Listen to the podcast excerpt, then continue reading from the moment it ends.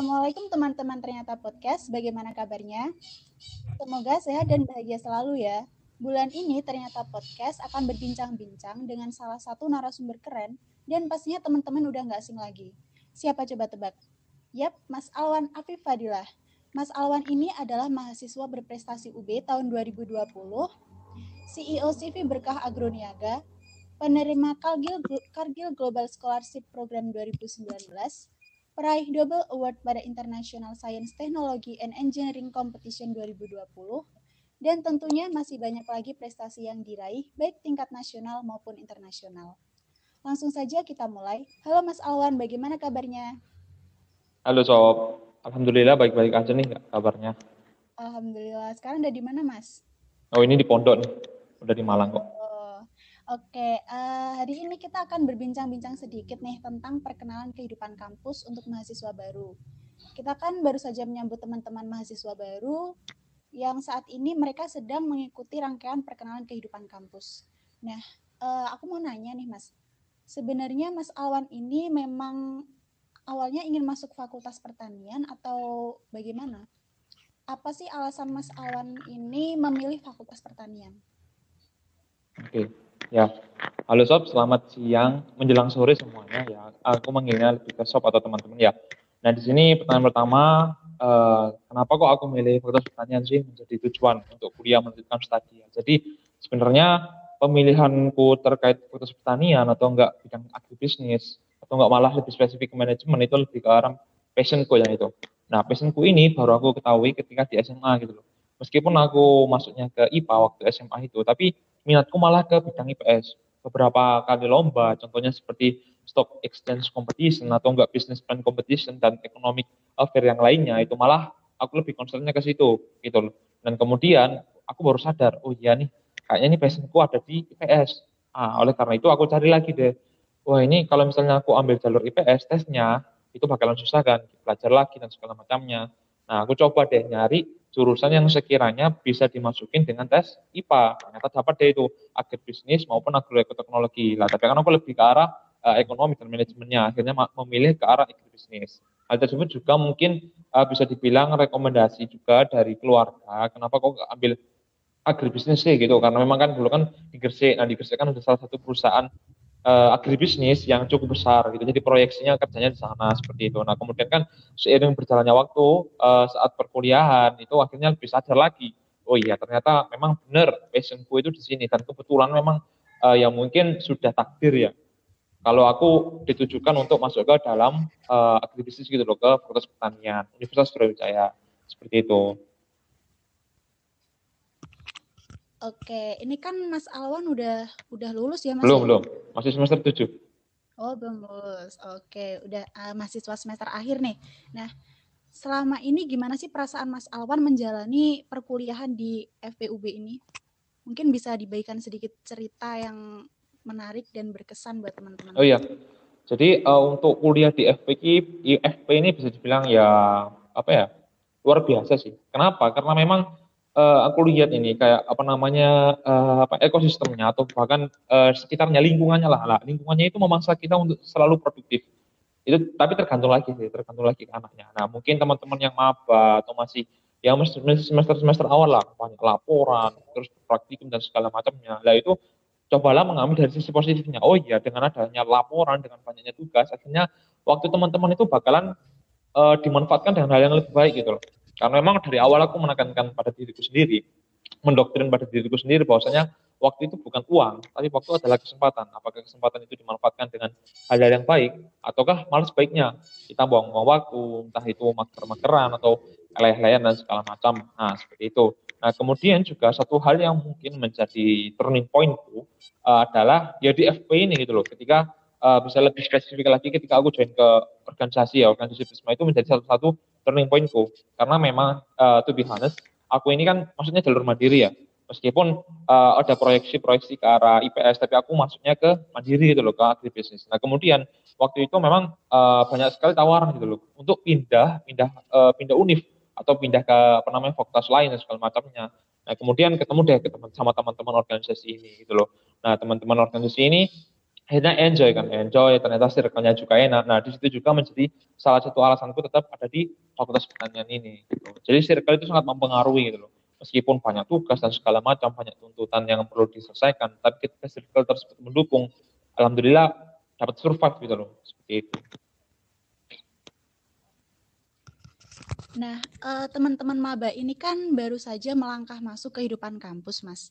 Tentu saja masih banyak keraguan dalam diri mereka nih, kayak aku besok mau ngapain aja sih? Aku besok mau ikut organisasi apa aja sih? Mereka kan masih bingung. Nah, mungkin uh, Mas Alwan bisa membagikan sedikit tips dan trik buat teman-teman maba dalam uh, merencanakan langkah mereka ke depannya di perkuliahan ini. Hmm, baik. Tentunya target itu penting ya target itu adalah ya semacam apa ya panduan lah panduan untuk hidup. Kita mau ngapain sih besok? Atau kita mau ngapain apa sih tahun depan? Nah yang paling pertama yang paling penting adalah tentukan target teman-teman. Tentukan target sobat gitu loh. Ya target itu memang bisa jauh atau enggak dalam jangka dekat tapi saranku lebih lebih rinci lebih baik. Jadi misalnya besok mau ngapain atau enggak dalam semester ini aku harus ngapain aja sih gitu loh. Misalnya nih aku semester ini harus contohnya dapat IP 4 IPK IP ya IP 4 baru itu misalnya menang lomba dan segala macamnya itu sangat penting menentukan target. Jadi teman-teman itu ada yang istilahnya ada panduan itu gitu. Oh iya, aku targetku belum terkejar. Nah, aku harus uh, apa namanya mengejar target tersebut. Itu yang pertama. Yang kedua, pahami passion teman-teman itu loh. Ya, kan aku kan, kan tadi aku kan bilang kan meskipun aku apa namanya uh, jalur mandiri tapi memang ternyata di sini adalah passionku gitu loh. Cobalah uh, cintai itu, cintai apa apa yang teman-teman pelajari dan pahami passion teman-teman. Nah, kalau aku pribadi kan passionku adalah nulis itu loh. Nah, nulis akhirnya aku pahami tersebut, kemudian milih deh kira-kira uh, circle apa yang cocok di uh, denganku gitu, dengan passionku. Sekiranya yang tidak menghalangi aku dalam berkembang gitu. Nah, itu baru akhirnya dapat dari pandangan organisasi-organisasi yang sekiranya uh, dapat menampung atau mengembangkan potensi diriku. Sama halnya dengan teman-teman gitu loh. Ketika maba mungkin masih bingung lah. Teman-teman itu boleh, it's fine to join uh, to all organization. Tapi nanti teman-teman bisa putuskan deh, kira-kira organisasi mana yang benar-benar itu memberikan impact ke teman-teman. Jangan sampai nanti teman-teman itu ya bisa dibilang mohon maaf uh, kayak broker gitu loh. Teman-teman cuma kerja, kerja, kerja doang, tapi teman-teman itu gift doang tapi nggak ada take-nya. Nah itu bisa dipastikan uh, ya live kita aja lah, tetapi terserah teman-teman lagi sih. Kalau aku pribadi ya gitu. Jadi selain kita take dari organisasi, kita juga harus give. Itu tetap ada. Istilahnya kita bentuk pengabdian kepada organisasi. Jadi pahami kira-kira circle apa yang paling tepat buat teman-teman dan kira-kira di mana passion teman-teman atau enggak potensi teman-teman itu dapat dapat berkembang gitu. Nah, kemudian ada satu tips lagi. Ketika teman-teman udah stuck, udah stuck kira-kira dalam satu organisasi udah stuck, tidak ada hal lagi yang bisa dikembangkan. Nah, teman-teman cuman give, give, dan give. Tapi teman-teman nggak bisa berkembang di situ, misalnya. Jadi cuma itu-itu aja, nggak ada perkembangan ilmu, tidak ada perkembangan knowledge, tidak ada uh, perkembangan critical thinking. Nah, itu bisa dibilang teman-teman waktunya berubah. It's time to you to change yourself gitu loh. Entah itu teman-teman mencoba jabatan baru atau enggak malah uh, mencoba organisasi-organisasi baru seperti itu. Oke, uh, berkaitan sama tadi nih kita boleh mengambil berbagai macam organisasi, hmm. menemukan circle kita terlebih dahulu. Nah, uh, pastikan nanti mahasiswa baru itu masuk terus mereka tertarik nih Kak dengan berbagai berbagai macam organisasi dan uh, hal-hal yang sebelumnya belum mereka ketahui. Nah, itu kan pastinya nanti akan uh, apa ya?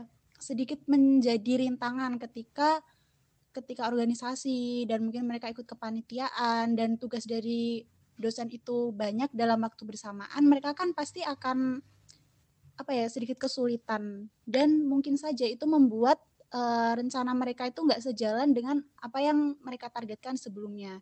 Nah, gimana sih uh, menjaga agar mahasiswa baru ini mereka tetap punya pikiran konsisten terhadap tujuan mereka awal tadi?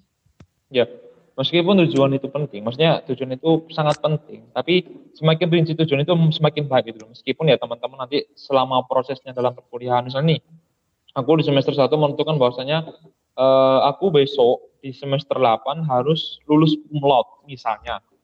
Nah, tapi ketika target panjangnya itu teman-teman harus mengiringnya dengan target-target yang jangka pendek. Jangan sampai nanti teman-teman udah nentuin target jangka panjang tapi ternyata loss ya cuman flow, let it flow aja. Nah, itu salah itu. Nah, gimana cara tetap apa namanya tetap konsisten dengan tujuan-tujuan yang telah teman-teman lakukan itu buatlah tujuan lagi yang lebih pendek. tujuan lebih lagi yang lebih rinci. Nah, ketika teman-teman apa namanya itu apa e, menentukan tujuan-tujuan lebih rinci, maka teman-teman itu e, lebih terpacu gitu. Oh ya, ini kira-kira tujuan dalam jangka waktu dekatku ini seperti ini, seperti ini, seperti ini. Nah, kemudian ketika teman-teman misalnya nih udah belok belok ke tujuan, cobalah ingat-ingat. Kira-kira teman-teman menentukan tujuan di awal tersebut itu alasannya apa sih? Itu penting. Selain kita menentukan tujuan, kita perlu menentukan alasan. Karena tujuan dan alasan atau misalnya kalau bisa dibilang latar belakang lah, latar belakang kenapa tujuan ada itu loh. Itu penting. Karena nanti ketika teman-teman misalnya loyo atau enggak uh, udah menyimpang dari jalur, misalnya konsisten lagi, itu teman-teman bakalan ingat, oh iya ya, kan aku uh, mencapai tujuanku ini misalnya lulus kumlot kan karena memang ingin membanggakan kedua orang tua aku, ingin membagikan circleku atau apalah, nah, itu itu penting dilakukan untuk menjaga agar teman-teman tetap konsisten seperti itu. Oke, uh, sekarang kita bakalan ngomongin ini Kak tentang produktif dan gimana aja kan kalau produktif itu nggak selalu tentang sibuk ya Kak. Kadang kita sibuk tapi nggak produktif nih. Nah, nanti kan mahasiswa baru ini mereka bakalan menghadapi tugas yang banyak banget tadi dari kampus maupun dari dosen-dosen dari uh, organisasi. Nah, gimana sih bisa tetap produktif meskipun banyak tugas dan kegiatan kampus, Kak? Ya, baik. Masalah produktif, kembali lagi ke konsep awal, yakni masalah waktu gitu loh. E, karena memang aku mendoktrin bahwasanya waktu itu adalah bukan uang, tapi adalah kesempatan. Kesempatan apakah kita memanfaatkan hal tersebut untuk hal, hal yang lebih baik, atau malah sebaliknya, maksudnya hal-hal yang kita sia-siakan gitu. Nah, masalah produktif memang ini perlu adanya manajemen. Jadi manajemen di sini nggak cuma manajemen waktu aja, tapi manajemen energi juga penting ketika manajemen waktu manajemen waktu apa yang apa yang paling penting dari manajemen waktu adalah tidak menunda-nunda gitu loh jadi misalnya nih teman-teman mendapatkan tugas langsung kerjakan aja gitu loh langsung kerjakan nanti ketika teman-teman punya waktu luang nah itu waktu luang untuk istirahat atau untuk misalnya ya bermain atau segala macam itu sangat penting untuk menjaga produktivitas. Nah apalagi kuncinya dari produktif atau enggak ya agar lebih produktif dalam kehidupan sehari-hari agar tetap konsisten itu adalah uh, apa namanya tadi yang awal tujuan-tujuan dari teman-teman itu perlu ditekankan. Kira-kira tujuanku apa sih alasanku apa untuk melakukan hal-hal tersebut? Nah itu. Nah kemudian lagi untuk masalah manajemen jangan lupa adanya namanya manajemen energi. Jadi teman-teman itu nggak loyo gitu loh ya meskipun teman-teman ngambis istilahnya ya ngambis uh, ketika ada tugas dikerjakan tidak menunda segala macamnya tapi teman-teman juga butuh istirahat gitu loh kalau aku pribadi kan memang dari awal menggunakan teknik uh, teknik Pomodoro kalau teman-teman tahu lah jadi 50 menit fokus untuk mengerjakan tanpa buka HP, tanpa ada distraction dari luar, fokus mengerjakan. Setelah itu, setelah 50 menit berhenti deh, 10 menit istirahat. Dan begitu seterusnya. 50 menit lagi untuk uh, belajar segala macam, 10 menit untuk istirahat dan seterusnya dan seterusnya. Itu untuk menjaga konsistensi agar moodnya agar baik gitu loh. Nah, kalau aku pribadi memang harus diiringi dengan ya mungkin snack atau kopi itu itu yang bisa menunjang lah kegiatan belajar. Nah, kemudian gimana caranya enggak agar produktif ini juga kan tadi kan udah aku sempat singgung masalah mood kan karena mood itu memang sangat sangat penting gitu loh meskipun kita udah uh, manajemen waktu dengan baik ketika moodnya jelek itu malah, malah uh, kerjaan itu berantakan. Kita nggak melakukan kerjaan tersebut. Nah selain dengan menggunakan teknik Pomodoro tadi itu aku juga menyempatkan uh, apa ya bisa dibilang quality time atau me time lah itu setiap malam Sabtu. Jadi aku memang loskan malam Sabtu nggak ada kerjaan atau segala macam itu memang fokus ke apa namanya uh, ya istilahnya senang-senang lah. Mungkin uh, nonton film baca buku dan segala macamnya. Itu nah kemudian juga kalau boleh sharing uh, mungkin teman-teman di sini uh, awalnya memang uh, mungkin fokus ke akademik, dulu nanti kemudian ke depannya teman-teman bakalan menemui hal-hal uh, yang lebih diprioritaskan lain contohnya kayak organisasi bisnis dan segala macamnya itu sob. Oke, yang terakhir nih Kak, pesan dan harapan Mas Alwan buat adik-adik maba untuk menghadapi kehidupan perkuliahan ke depannya. Ya, jadi untuk pesannya intinya intinya masalah manajemen waktu tadi jangan suka menunda-nunda karena ini memang agak gimana ya, agak penyakit juga ya.